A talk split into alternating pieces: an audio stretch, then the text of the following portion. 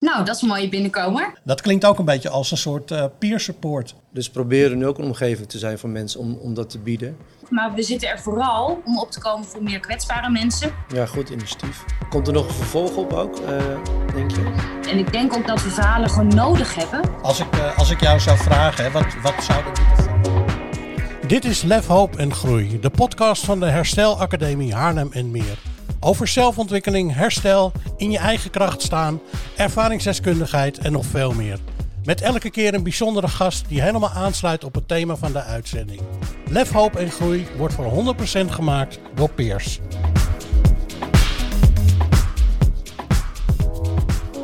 Ja, welkom bij de vijfde podcastaflevering van Lef, Hoop en Groei. We hebben deze uitzending een hele bijzondere gast. Dat is Lisa Westerveld. Lisa, welkom. Uh, Lisa, uh, Lisa Westerveld is uh, Tweede Kamerlid voor, voor GroenLinks en houdt zich ja, vooral bezig met jeugdzorg. Dat was ook een van de redenen waarom ik ja, het idee had geopperd om jou te vragen in de, in de podcast.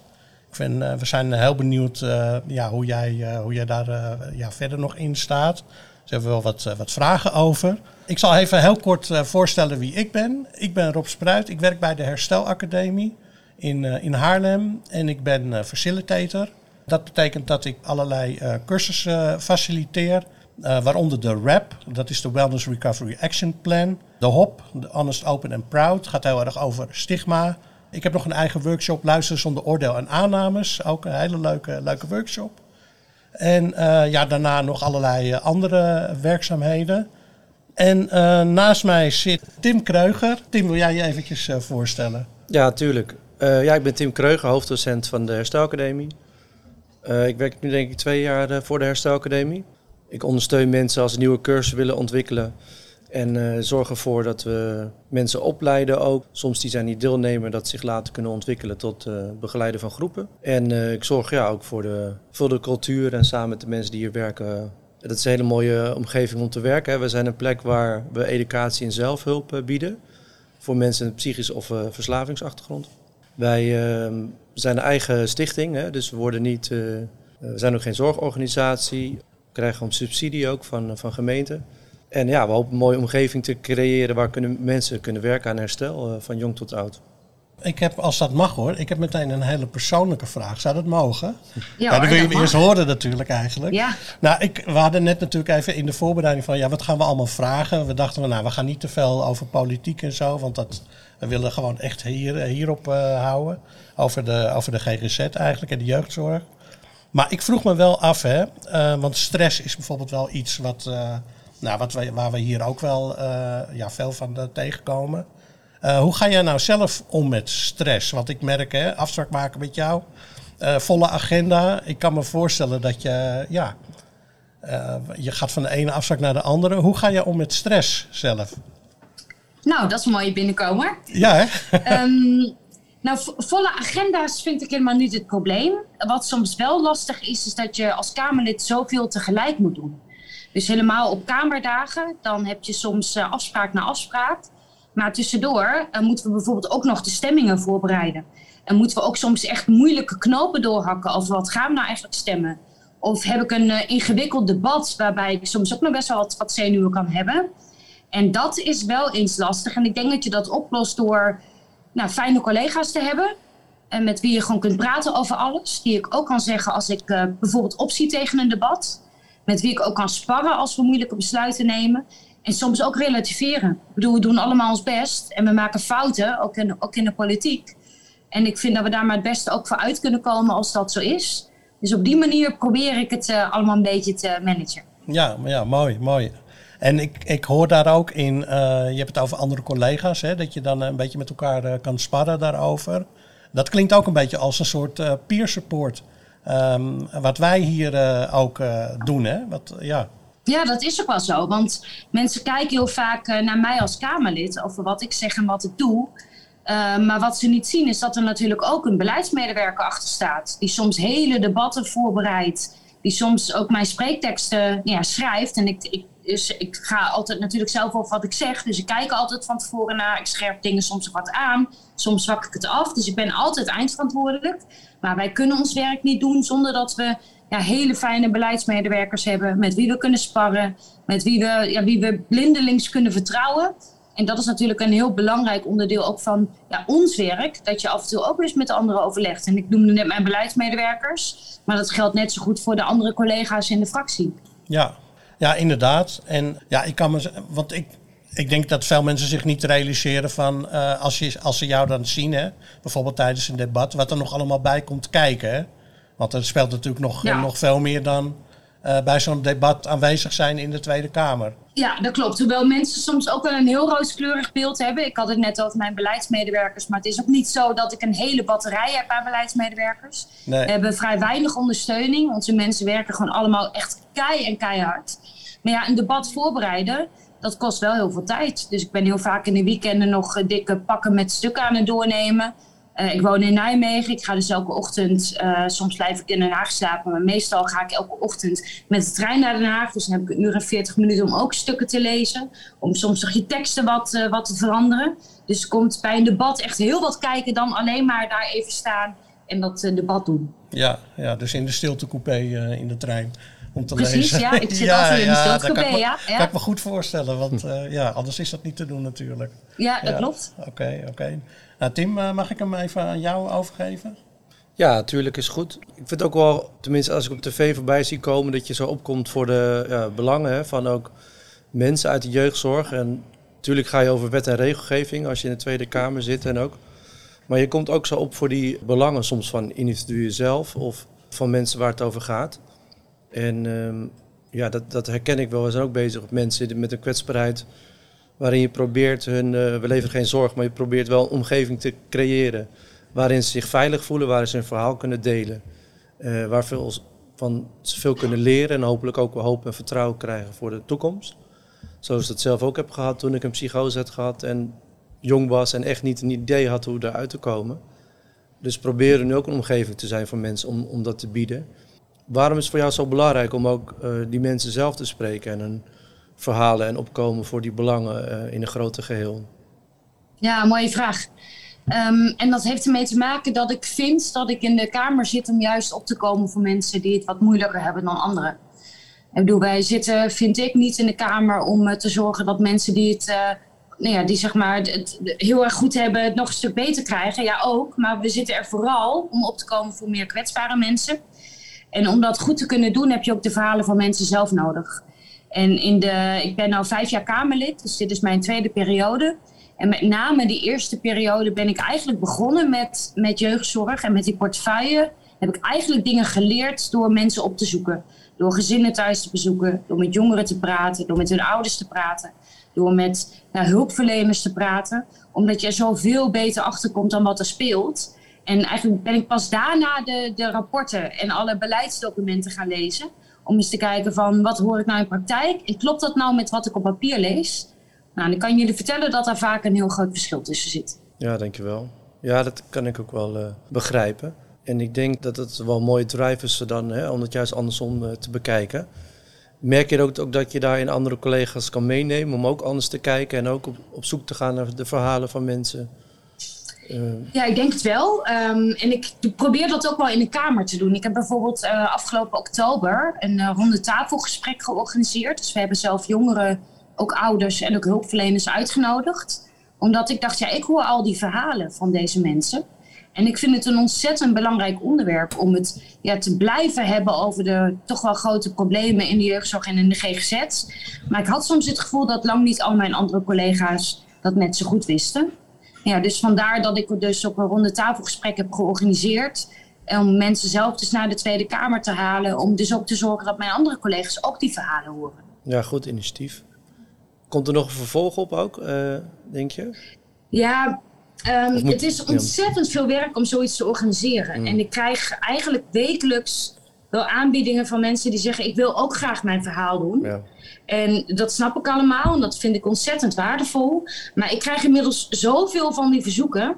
Dat het mij in ieder geval, ja, helaas moet ik zeggen, niet meer lukt om met iedereen persoonlijk af te spreken. Want ja, we zijn nu deze periode ook met maar acht Kamerleden. En behalve jeugdzorg GGZ heb ik een flink andere grote portefeuille. Ja, um, en een, het, ja, het organiseren van de ronde tafelgesprekken gaat zoveel werk in zitten. Dat ik niet denk dat me dat op heel korte termijn gaat lukken. Nee, maar in ieder geval goed dat je het hebt gedaan, toch? En uh, hopelijk breken land voor anderen ook om dat ook te doen op die manier. Ja, en ik hoop dus ook dat ja, ook mijn collega's nog veel meer ook op werkbezoek gaan. Naar jeugdzorginstellingen, naar GGZ-instellingen, maar ook bij mensen thuis. Ook bij initiatieven zoals die van jullie. Omdat je echt door met mensen zelf te praten, dan hoor je zoveel meer van wat er ja, bezig is en wat er met hen aan de hand is. En ik denk ook dat we verhalen gewoon nodig hebben ons werk in de Tweede Kamer goed te kunnen doen. Dankjewel. Ja. Als, ik, eh, als ik jou zou vragen, wat, wat zou er moeten veranderen in de, in de jeugdzorg? En, en, dat is natuurlijk best wel een hele, hele algemene vraag, maar wat, wat, wat zou je daarop uh, op kunnen antwoorden? Ja, er moet heel erg veel veranderen inderdaad in de jeugdzorg. En ik denk dat een van de problemen is, waar ik dus mee te maken heb, hè, want er zijn heel veel problemen. Maar een van de zaken waar ik tegenaan loop, is dat er niemand echt verantwoordelijk lijkt te zijn. jeugdzorg is gedecentraliseerd, dus gemeenten zijn op papier verantwoordelijk. Maar gemeenten wijzen telkens naar het Rijk, omdat ze te weinig financiële middelen hebben. Nou, sommige gemeenten hebben het heel goed georganiseerd. Andere gemeenten hebben het gewoon minder goed georganiseerd. Dus daar lopen wij heel erg tegenaan. En een ander probleem waar ik ook tegenaan loop, is dat ik van jongeren zelf heel vaak hoor dat ze het gevoel hebben dat ze mm, ja, niet echt zelf kunnen meepraten. Niet echt zelf ook mede verantwoordelijk zijn voor hun behandeling. Dat ze niet worden gehoord. En dat heeft natuurlijk deels ook te maken met de personeelstekorten die er in sommige delen van de sector zijn. Want als je een hele, ja, in je eentje op een grote groep staat, natuurlijk heb je dan niet tijd voor die individuele jongeren. Dus dit is geen zin verwijt naar hulpverleners. Maar het is wel een probleem in het stelsel. Ja, ja. Ja, dankjewel. En um, nou, we hebben ook een, uh, een podcast gemaakt met, uh, met Jim van Os uh, eerder. En met Jim van Os ging het, ja, ging het uiteraard ook over de, over de zorg, maar dan de GGZ in het algemeen. En die, ja, die is heel erg van, van zeg maar, dat, een, een, een, een cliënt of een, een, een klant, hè, hij noemt het ook verschillend. Hè. De ene keer noemt hij cliënt, dan noemt hij weer klant. En, maar die zegt van, ja, uh, mensen zouden zelf moeten kunnen kiezen wat ze, wat ze nodig hebben uit een, uit een, uit een pool van, uh, van uh, mogelijkheden, zeg maar.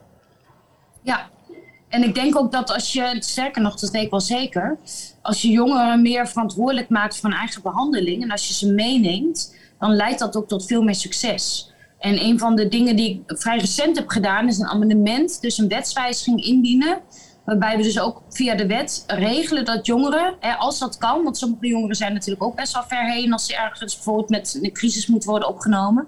Maar dat in principe jongeren meegenomen moeten worden met hun eigen behandeling. En ik hoop dat ja, dit soort stappen die we dan toch in de Kamer kunnen zetten, dat die uiteindelijk ook zullen leiden tot betere hulp. Ja, ja, en met meegenomen bedoel je dan dat ze meer inspraak uh, hebben in, in wat, wat er uh, gaat gebeuren allemaal. Hè? Ja, wat er in het voorstel staat, in het wetsvoorstel dat we hebben geschreven, is dat echt de behandeling in samenspraak wordt, uh, wordt vastgesteld. Okay. Dus dat is niet alleen maar informeren. En op som, nogmaals, op sommige plekken gaat het al hartstikke goed. Hè? Ik, ik, weet gewoon van heel erg veel hulpverleners, al voordat ze een behandeling starten, wordt die jongeren meegenomen. Als even kan ook de ouders. Maar dat gebeurt niet overal. En daar zijn wij dus voor, om dit soort dingen dan maar per wet vast te leggen. Dat op de plekken waar het al gebeurt, hebben ze geen last van, van deze wetswijziging. En op plekken waar het niet gebeurt, ja, dan zullen ze toch wat moeten doen. Om echt voor te zorgen dat jongeren zelf ook kunnen meepraten over hun eigen behandeling. Ja, ja oké. Okay. Okay. Ja, het zou mooi zijn als dat, uh, als dat zo uh, geregeld kan worden natuurlijk, uiteindelijk. Ja. Ja. ja. straks staat het in de wet, dus dan moet het ja. wel. Ja, ja. Het zou natuurlijk ook, ik heb ook ooit uh, landelijk uh, meegedaan met een project Samen Beslissen. En dan zie je ook inderdaad dat veel, uh, veel mensen niet goed worden geïnformeerd hè, over behandelmogelijkheden en over verschillende opties. En ook dat die opties niet neutraal worden voorgelegd. Hè. En dan zou het mooi zijn natuurlijk als dat wel goed zo gebeurt. En dat je als, ja. in dit geval ook als jongere, of zelfs opties kan aanleveren, of in ieder geval samen kan kiezen uit, uit die opties. En wat uh, daar de voor- en nadelen van zijn. Ja, ik ja. vind het heel mooi. Ja, heel goed. Eigenlijk jammer dat het ja. nodig is, maar het is wel... Ja, ik weet dat het niet gebeurt ook, uh, inderdaad, vanuit ervaring. Dus het is wel goed als dat ook in de wet wordt vast, vastgelegd. Ja. ja, dat denk ik ook. Ook omdat we weten dat als je mensen mede verantwoordelijk maakt... dan is natuurlijk ook de kans dat een behandeling slaagt is veel groter. Ja, zeker. Ja, en als ze daar dus inderdaad ook over mee kunnen, kunnen beslissen, hè? over mee kunnen, kunnen praten. Ja. ja. ja. Oké, okay, dankjewel. Ehm, ik wil eventjes naar een, uh, een, een, item gaan wat wij altijd in de uitzending uh, hebben in de, in de podcast. En dat is masker of kwetsbaar. En uh, masker of kwetsbaar is een beetje gebaseerd op, op het spelletje Truth or Dare. dus dan snap je hopelijk, wat verwacht ik wel, wat ik bedoel. Ik, ik start even de tune in daarvoor. En dan wil ik aan jou vragen of jij een situatie kan benoemen waarbij je of je masker zeg maar, gebruikt. Of wanneer je bijvoorbeeld in je kwetsbaarheid uh, zit. Vind je dat oké? Okay? Oké, okay, ja, dan start ik even de tune in. Oké, okay, masker of kwetsbaarheid? Lisa? Ja, kwetsbaarheid. Um, en ik kan wel een voorbeeld geven. In um, Kamerdebatten bijvoorbeeld kun je al heel snel zien of een politicus wel of niet oprecht is. En ik denk dat je altijd oprecht moet zijn. En ook als je een antwoord niet weet, dan moet je gewoon zeggen in zo'n debat: ik weet het niet, in plaats van dat je eruit bluft. En ik merk ook in, in jeugdzorg en GGZ-debatten ben ik soms oprecht heel erg boos. En, of oprecht gewoon teleurgesteld. En ik merk ook dat um, als je dat naar buiten laat, dat je oprecht boos bent of teleurgesteld. Soms ben ik ook verdrietig, omdat ik dan net weer van een situatie heb gehoord waarin het helemaal niet goed gaat. Volgens mij maakt je dat tot een. Maakt dat debatten beter, omdat je dan echt laat zien wie je bent. En ik denk soms dat het makkelijker is om je overal doorheen te bluffen en je nergens wat van aan te trekken. Maar ik denk dat ons werk juist is om te laten zien als we kwetsbaar zijn. En dat ons werk ook juist is om te laten zien als we een keer iets niet weten of ergens over twijfelen. Volgens mij moeten we dat juist veel meer laten zien in de politiek. Ja, ja. ja. Sorry, Denk je, heeft dat ook te maken dan dat mensen dan niet hun kwetsbaarheid durven te laten zien? Uh, heeft dat te maken ook met stigma, waar je natuurlijk ook, waar mij ook bij mee te maken krijgt? Stigma op psychische aandoeningen, stigma op de diagnose die je hebt of krijgt en uh, hoe daarop gereageerd wordt? Ja, of op commentaar.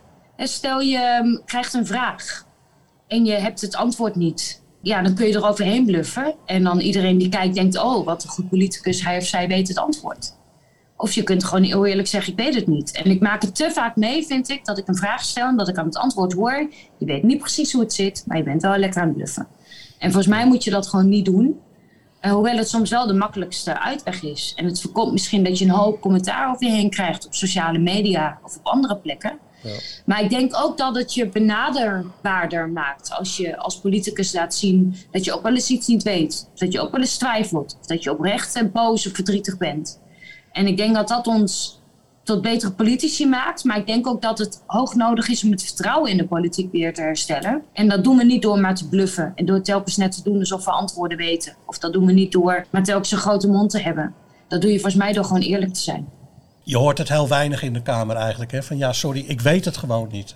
Eigenlijk hoor je, ja. hoor je altijd wel dat ze, dat ze dan iets zeggen of een ja, misschien een, een smoes misschien een groot woord, maar toch wel een beetje een verhaaltje eromheen draaien om er dan maar, om maar iets te kunnen zeggen in plaats van ik weet het niet. Hè? Ja. Ja, en datzelfde geldt ook voor fouten. Ik bedoel, elke partij maakt ook wel eens foute keuzes bij bijvoorbeeld stemmingen. Of je hebt bijvoorbeeld wel of niet met een wet ingestemd. En met de kennis uh, van nu zou je dat, ja, zou je een andere keuze hebben gemaakt.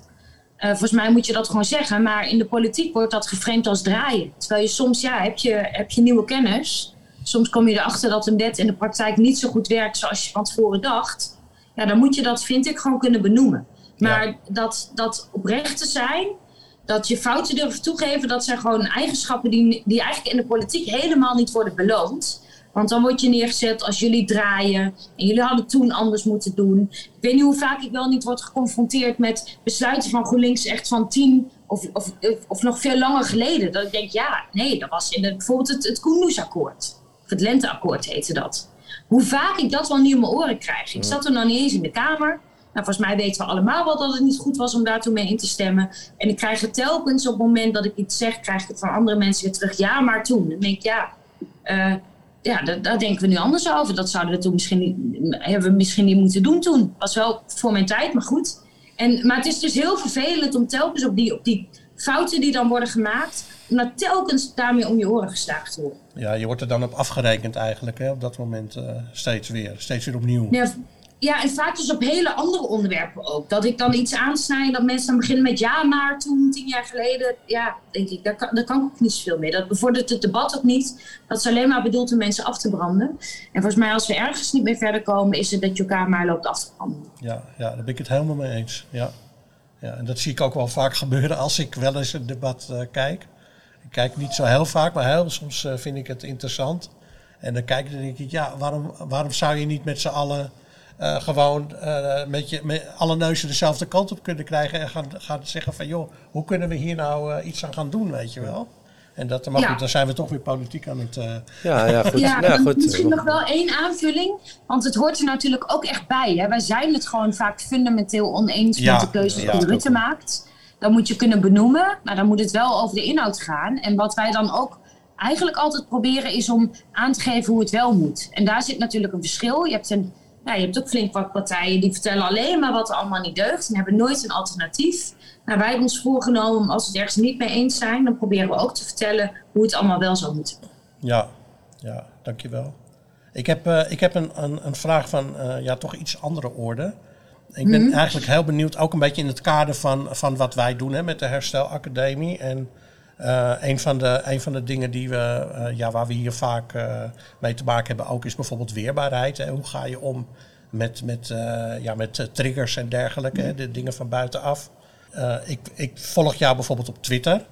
En nou zie ik op Twitter, uh, ja je gaat al lachen, dan zie ik af en toe opmerkingen voorbij komen van mensen dat ik denk van mijn god hé, hmm. dat je überhaupt nog reageert op die mensen. En ik, ik, vind dat, ja, ik vind het ergens zo knap dat je dat dan doet, want ik zou echt uit mijn vel springen af en toe van, uh, van de opmerkingen die, uh, die voorbij komen. Dan heb ik zoiets van, ja, dat moet je toch ook raken af en toe. Dat soort, uh, dat soort opmerkingen. Ja, dat raakt me ook af en toe. Wat ik nooit erg vind, is kritiek op de inhoud. Als iemand iets anders vindt dan ik, nou prima, laten ja. we erover in gesprek gaan. Wat me meer raakt, is inderdaad vooral kritiek op je integriteit. Dat mensen dus van, al vinden, oh je bent politicus, dus je bent aan het liegen. Ja. Dat, dat vind ik heel naar om dat te horen. En aan de andere kant, Twitter is natuurlijk ook wel een verzameling van mensen die van achter anonieme accounts allerlei dingen naar je roepen. Uh, commentaar geven op je uiterlijk, commentaar geven op de lengte van mijn haar of op welke schoenen ik draag. Nee, ga zo maar door en dat blijft maar ja. doorgaan. En die laatste opmerkingen, ja, daar, daarvan denk ik inmiddels, dat zijn er zoveel elke keer, dat kan ik wel naast me neerleggen. Wat mij nog wel vaak raakt, is um, echt seksueel getinte opmerkingen. Omdat het gewoon. Ja ja, omdat het gewoon naar voelt als mensen um, echt, echt, heel, echt seksueel grensoverschrijdend gedrag laten zien. En, dat, um, en tegelijkertijd benoem ik het ook, want ja, we mogen best wel, het is gewoon bedoeld om te intimideren. En ik weet dat veel nou, mensen ook in de politiek zich daar wel door laten beïnvloeden door bijvoorbeeld maar niet over sommige onderwerpen te beginnen. Volgens mij is het laatste wat wij moeten doen is zwichten voor intimidatie. Dus, ik, dus het, ja, het raakt me soms. Um, ik ben er ook aan gewend. Ik probeer het maar te benoemen. En het laatste wat ik wil doen is me daardoor laten weerhouden om sommige onderwerpen die ik wel belangrijk vind, om die gewoon wel te blijven benoemen. Ja, ja. sterk. Ja. ja. Het valt me ook op dat je stug volhoudt altijd uh, daarin. Op Twitter. Ja, ja. ja. ja soms sterkt het me ook alleen maar. Ja. En soms vind ik het ook gewoon een beetje ehm, sneu voor mensen zelf. Dat ik denk, oké, okay, dat jij dus kennelijk geen leven hebt en de hele dag maar um, nou, een beetje, een beetje anoniem zitten schelden.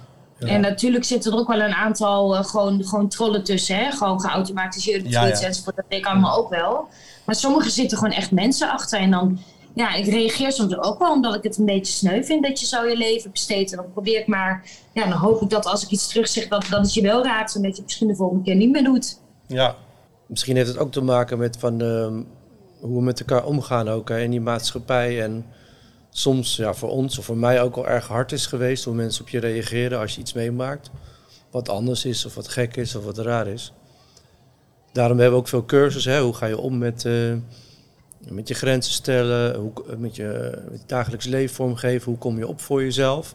Want je bent er ook te belangrijk, hè? ondanks dat je misschien zwaar hebt of, of, of weinig vrienden hebt of, of kennis, maar je doet er ook toe. En dat is ook belangrijk natuurlijk, dat we weerbaarder worden ook om weer te kunnen deelnemen. Maar ook, en dat knap hoe jij dat doet, dat je juist meer sterkt om, om wel je werk te doen, om wel je, voor je belangen op te komen door dat wel te benoemen. Ja, ja.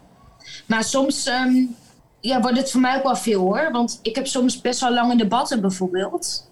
Uh, ik had afgelopen donderdag had ik twee grote debatten. Een onderwijsdebat en een debat over corona. Nou, beide gewoon grote thema's. Ja. En als je dan op de terugweg in de trein, terwijl het uh, ja, ruim na twaalf is, terwijl je net ja, vanaf de ochtend, je bent al 16 uur in touw, dan weer allerlei nare opmerkingen leest, ja, dan, dan vind ik dat wel oprecht heel vervelend. En dan besef ik ook, oké, okay, ben moe, je hebt twee lange debatten gehad, probeer we naast je neer te leggen. Maar dan komt het natuurlijk ook best wel aan. Ja, ja want je, je bent de hele dag al bezig geweest, je bent moe en dan... Uh, ja, ene moment kan je het meer hebben dan het andere moment. Ja. Ja, en dan vind ik dus opmerkingen over, over uiterlijk enzovoort nog niet eens zo erg. Maar als ik dan ergens lees van dat we, aan, aan, dat we leugenaars zijn of dingen verdraaien of zo, dan denk ik, joh, moest eens weten wat we vandaag allemaal hebben gedaan, hoe hard we hebben gewerkt, wat voor ontzettend goede beleidsmedewerkers ik heb. En hoe wij soms ook echt worstelen met of we nou voor of tegen bepaalde dingen moeten stemmen, wat we nou wel en niet moeten zeggen, verschillende belangen die je moet afwegen. dat is soms best een worsteling. En we zullen soms echt fouten maken. Maar dat we daarin ja, opzettelijk de boel verdraaien of liegen of, uh, of, of aan de, aan de zeg maar, dat, dat, dat Rutte ons aan touwtjes heeft. Ja, dat, dat zijn gewoon dingen die niet waar zijn. En dan vind ik dat wel naar om te lezen. Dus echt integriteitsdingen vind ik gewoon echt naar om die over me heen gestort te krijgen. Ja, ja kan ik me heel goed voorstellen. Ja. Ja, ja. Ik, heb, uh, ik heb nog een vraag hè, over, uh, zeg maar, wij geven hier bijvoorbeeld uh, de HOP-training hè, bij de Herstelacademie, Honest, Open and Proud. En dat gaat, dat gaat er over, ja, heel veel over stigma. En gaat ook over wat vertel je wel en wat vertel je niet. Hè, als je een psychische kwetsbaarheid of een verstavingsachtergrond. En um, als je nou werk zoekt bijvoorbeeld, hè, je bent een tijdje uit de running geweest en je zoekt, je zoekt werk dan is het helaas nog steeds zo dat je daar vaak op wordt afgerekend. Hè? Als er, nou, er zit er bijvoorbeeld een enorm gat in je cv.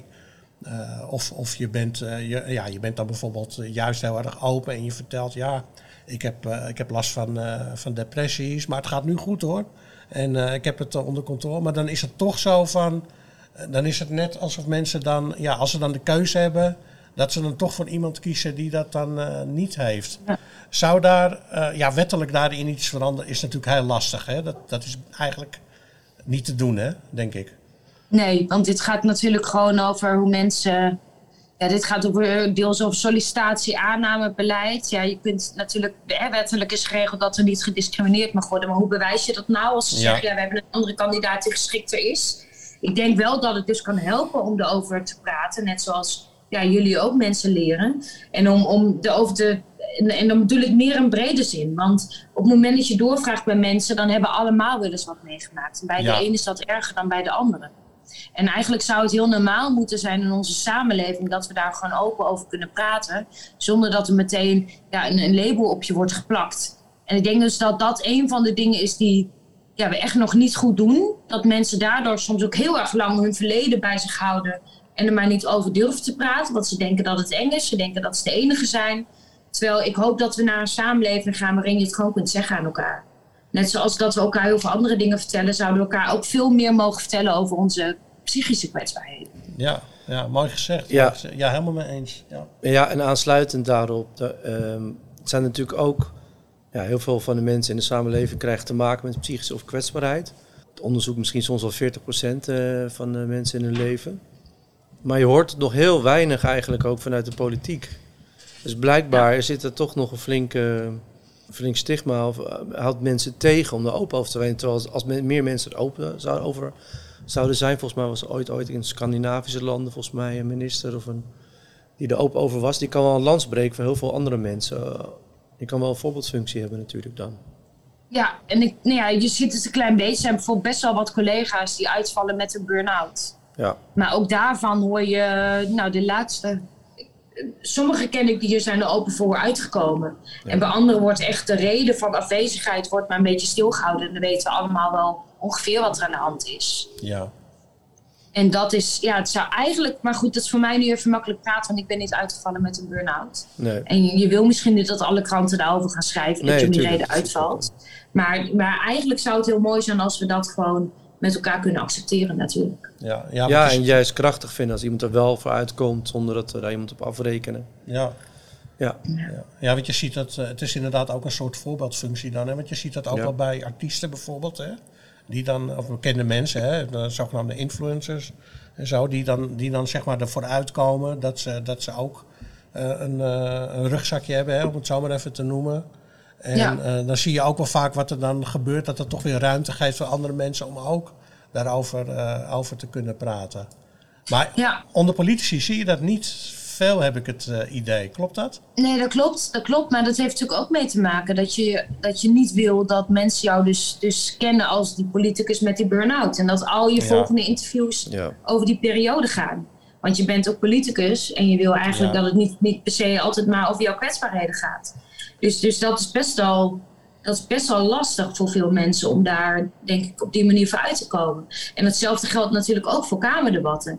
Bedoel, Op het moment dat iemand een keer ja, breekt tijdens een debat, dat het niet goed gaat, ja, da- dan wordt er minder ehm, begripvol over geschreven dan als iemand even flink tekeer gaat tegen een andere politicus. Ja. Dus dat is ook weer dat effect. Dat soms gewoon hele. Eigenlijk worden soms de, de, de meest slechte eigenschappen in de Tweede Kamer beloond. En juist de goede eigenschappen worden niet beloond. Ja, eigenlijk jammer hè, want Ja. dat zou juist, ja. het zou juist gewoon moeten zijn dat we ook onze kwetsbaarheden kunnen en mogen tonen, toch? Ja. Ja. Ja. Maar ja, de realiteit is, eh, is helaas anders. Ja. ja, en ik vind dat het moet veranderen hoor. Maar, ehm, en ik hoop dat het gaat gebeuren, maar je doet het niet zo 1, 2, 3. Nee. Oké, nou, ik, eh, mm, eh, heb jij nog een, eh, brandende vraag, eh, Tim? Even denken hoor. We hebben best wel veel dingen al besproken. Ik heb misschien nog wel iets wat ik wil toevoegen. Ja, misschien heb jij zelf nog iets wat je wilt toevoegen. Ja, dat is namelijk dat ik ook. ehm, kijk, ook onze hele samenleving is natuurlijk ingericht op presteren. En ik ben, eh, ja, ik ben behalve woordvoerder jeugdzorg GGZ, ben ik ook woordvoerder onderwijs, ben ik woordvoerder sport. En ook in het onderwijs zie je dat kinderen eigenlijk al vanaf dat ze de CITO-toets moeten doen, worden aangespoord om maar te presteren. En dat zitten blijven als iets negatiefs wordt gezien. Ja, dat in het verleden zelfs negatieve beoordelingen van de inspectie eh, nou op konden komen als een school heel veel zittenblijvers had. In de sport, wat zie je? Dat alle aandacht uitgaat naar selectieteams in plaats van naar de teams hè, die een beetje onderaan bungelen. Waarbij misschien de jongens en meisjes zitten die eh, mo- motorisch wat minder goed zijn. Juist daar zou veel meer oog voor moeten zijn. Dus in onze hele samenleving ja, wordt presteren als goed gezien. En als je wat onder de, zeg maar, onder de norm zit, en daarmee de woordkeuze voor mij hè, het dan meteen. We hebben het ook over, over hoog en laag opgeleide. Dus, dus daar moeten we met elkaar, en dat is niet iets wat je in wet en regelgeving doet, maar daar zullen we wel met elkaar een omslag in moeten vinden. Ja. Zodat mensen allemaal zichzelf mogen zijn, zodat, ook je, je, ja, zodat mensen hun goede kanten leren ontwikkelen, zodat mensen leren omgaan met die dingen die ze wat minder goed kunnen en dat gewoon kunnen accepteren. En dat is iets waar we als samenleving ja, eigenlijk steeds slechter in lijken te worden. Mooie toevoeging. Ja, zeker. Ik herken het ook wel hoor. Mijn zoontje, ik heb ja, drie kinderen. Maar ja, ik herken het ook op de school. Ja. Op welke leeftijd ze al een CITO-toets krijgen en de gesprekken inderdaad over, Ja, over presteren. En ook, ja goed, heeft, hebben we allemaal een rol in. Ook als ouders natuurlijk, maar ook als, als samenleving. Ja. En ehm, ja, om daar veel meer aandacht aan te besteden en ook mensen hun eigen tempo te laten leren en ze erbij te ondersteunen, te stimuleren. In Ja. plaats van op prestatie. Ja, zeker.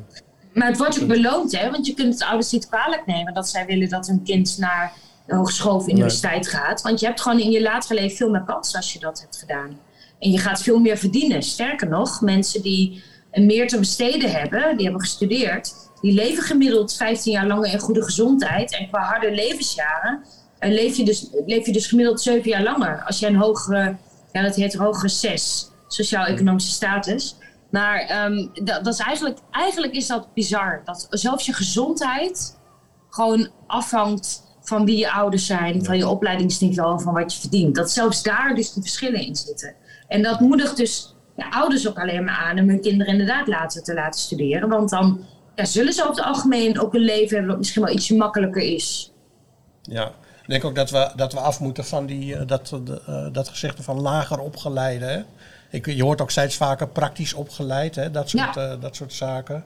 Ik, Ja. ja. ja, vind ik, ik vind het nog niet optimaal, maar ik vind het wel beter in ieder geval. Dan, Ja. eh, want lager, daar zit, lager opgeleid zit zo'n negatieve ondertoon in. Hè? Ja. Ja, het eh, was een van mijn eerste debatten over dit onderwerp waarin ik het heb aangekaart. En waarin ik de toenmalige minister, dus de vorige periode was dat, heb gezegd van vermijd nou in ieder geval in kamerbrieven en stukken dit soort woorden. Zoek er alternatieven voor. En ik probeer dat zelf ook te doen. Zodat we hopelijk, hè, want je kunt niet een woord gaan verbieden. Maar je kunt wel met elkaar proberen om dit soort woorden te vermijden. Ja. En daar gewoon goede alternatieven voor te zoeken. Ja, precies. Precies. Mooi. Nou, dankjewel. Ik denk, we, komen, we zijn een beetje aan het einde, maar ook gezien de tijd die jij hebt, hè, een beetje in de gaten, gaten gehouden. Eh, want je had eh, drie kwartier, hè, had je gezegd. Dan moet je ook Ja, naar de ik heb zo weer een volgende afspraak ook. Ja. Ja, Ja. wij eindigen altijd met een, een vraag waar we altijd, of wa- waar we vaak mee eindigen in, in de bijeenkomsten die we, die we hier hebben met cursisten. En dat is eh, de vraag, eh, dat is een zogenaamde wellness check noemen we dat. En dat is de vraag, hoe ga jij eh, de komende eh, dagen voor jezelf zorgen? Goed voor jezelf zorgen. Dat, dat is een beetje een tricky vraag. Want ik heb de komende dagen ontzettend veel debatten. Dus wij zijn echt eh, flink aan het werk komende week. Daarom des te belangrijker, Ja. Ja, wat ik wel ga doen, ehm, ik, ik probeer altijd eh, als het even kan te, te blijven sporten. Omdat dat en goed is, want je ziet je teamgenoten weer. Ik voetbal, het is goed voor je eigen gezondheid. Dus ik zet eigenlijk steeds vaker ook, ehm, nou plan ik mijn, probeer ik, kan natuurlijk niet altijd. Maar ik heb steeds vaker dat ik dan, ehm, nou, toch echt wel dat sporten voor laat gaan op, op andere dingen. En ik merk ook dat als ik dat niet doe, dan ben je alleen maar met werk bezig. Ben ik alleen maar met politiek bezig. Dus, ehm, nou, dus de komende week, maar ook afgelopen jaar heb ik nog wel zoveel mogelijk als het even kon, eh, gewoon ook door de week, ook de dinsdagavond gesport. Oké, oké, ja. Ik heb, eh, dat voetballen wist ik, dat had ik wel eens eh, gezien eh, Ja. op eh, social media. Hartstikke leuk. Ja. Nou, mag ik je, mag ik je hartelijk eh, bedanken voor je tijd en voor je, voor je mooie bijdrage. Ik denk Ja, jullie ook bedankt voor het Ja, gesprek. ik denk dat het een Ja, leuke, heel erg bedankt, zeker. leuke Ja. podcast-uitzending wordt. Nou, dankjewel, dankjewel eh, Lisa Westveld. Dankjewel. Dank jullie wel. Je hebt geluisterd naar Lef, Hoop en Groei, de podcast van de Herstelacademie Haarlem en Meer. Meer informatie over de Herstelacademie is te vinden op herstelacademie.org. Lef, Hoop en Groei wordt voor 100% gemaakt door peers.